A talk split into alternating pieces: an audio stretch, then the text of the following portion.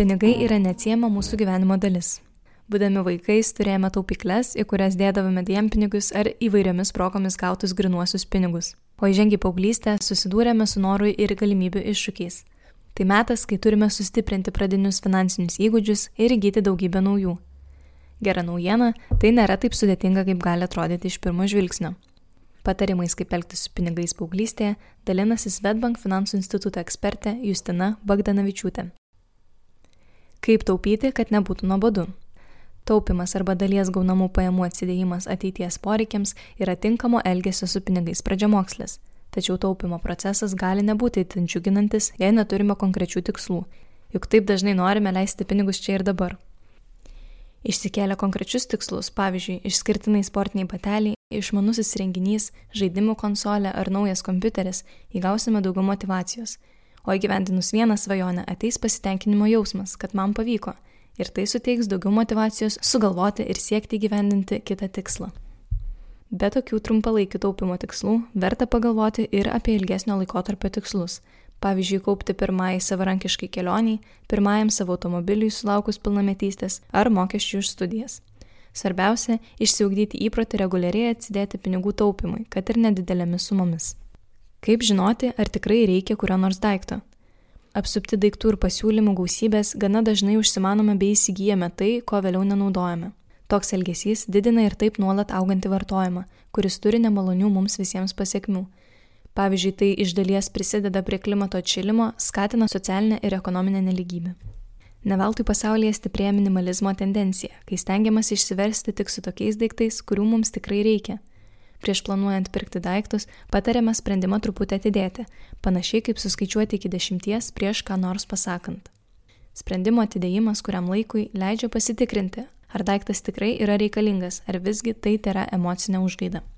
Taip pat reikėtų pasidomėti, ar yra galimybė įsigyti kitam žmogui nebereikalingą, naudotą, tačiau vis dar puikiai savo funkcijas atliekantį daiktą, o visgi nusprendus daiktą įsigyti naują, palyginti kainas bent keliose skirtingose vietose.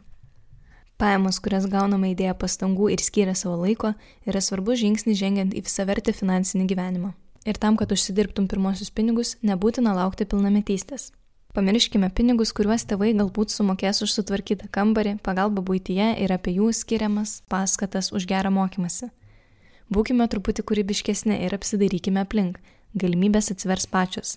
Išnaudokime savo talentus, gebėjimus ar pomėgius filmuotis reklamose, vaidinti teatre, rašyti tekstus, kurti interneto dizainus, verti papuošalus.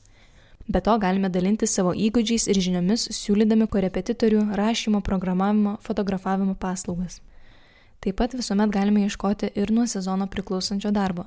Galbūt reikia sugrėpti lapus ar nupjauti žolę kaimyno sklype, o gal parduokime obuolius iš nuo savo sodo arba įsidarbinkime, pavyzdžiui, ledų ir gaiviųjų gėrimų pardavėjais. Nebijokime kryptis patarimų į tėvus ar globėjus, jie irgi gali turėti puikių idėjų, patarimų, kaip geriausiai jas įgyvendinti. Posakis niekas negimsta žinodamas gali būti įkyrėjęs iki kalų smegenų, bet jis teisingas. Kaip ir bet kurioje kitoje srityje, tobulėjimui reikia skirti ir laiko, ir pastangų. Tačiau jos tikrai gali atsipirkti su kaupu, nes investuodami į save, investuojame į savo ateitį. Pradėti domėtis finansų pasauliu visai paprasta. Pavyzdžiui, daugelis finansų organizacijų internete pateikia naudingos medžiagos, tinkančios visoms amžiaus grupėms ir įvairioms situacijoms.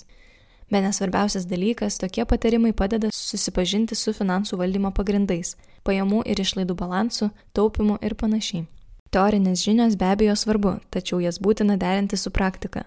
Jų įgysime tik dažniau turėdami reikalų su pinigais, tarkim kartu su tėvais įsitraukdami į didesnių pirkinių planavimą, apsipirkimą maisto parduotuvėje, atostogų biudžeto sudarimą. Nebijokime jų paklausti ir apie tai, kaip jie skaičiuoja, taupo ir investuoja, galbūt visi išmoksime naujų dalykų suvokia, kad pinigai yra neatsiejama mūsų gyvenimo dalis ir skirdami jai bent po keletą minučių kasdien, mes aiškiau atskirsime prioritetus, lengviau pasieksime savo tikslus, išmoksime geriau įveikti kylančius sunkumus ir jausimės finansiškai tvirčiau.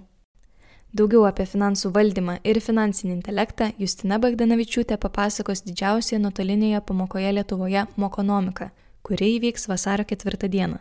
Tai bus žinių šventė skirta pirmų 12 klasių moksleiviams ir jų mokytojams Skirtingoms amžiaus grupėms pritaikytas pamokas ves 24 įvairių sričių mokytojai bei ekspertai. Jie kalbės apie kūrybą, tvarumą, inovacijas, pilietiškumą ir kitus svarbius bei įdomius dalykus. Mokonomika inicijuojamas Medbank prisideda prie UNICEF ir UNESCO rengiamos didžiausios pamokos pasaulyje, kurios tikslas - kurti inovatyves švietimo priemonės, įgyvendinant jungtinių tautų darnaus vystimosi tikslus. Šiemet didžiausiai nuotoliniai pamokai Lietuvoje yra suteiktas UNICEF patronažas. Įgarsino Emilija Filipenkovaitė.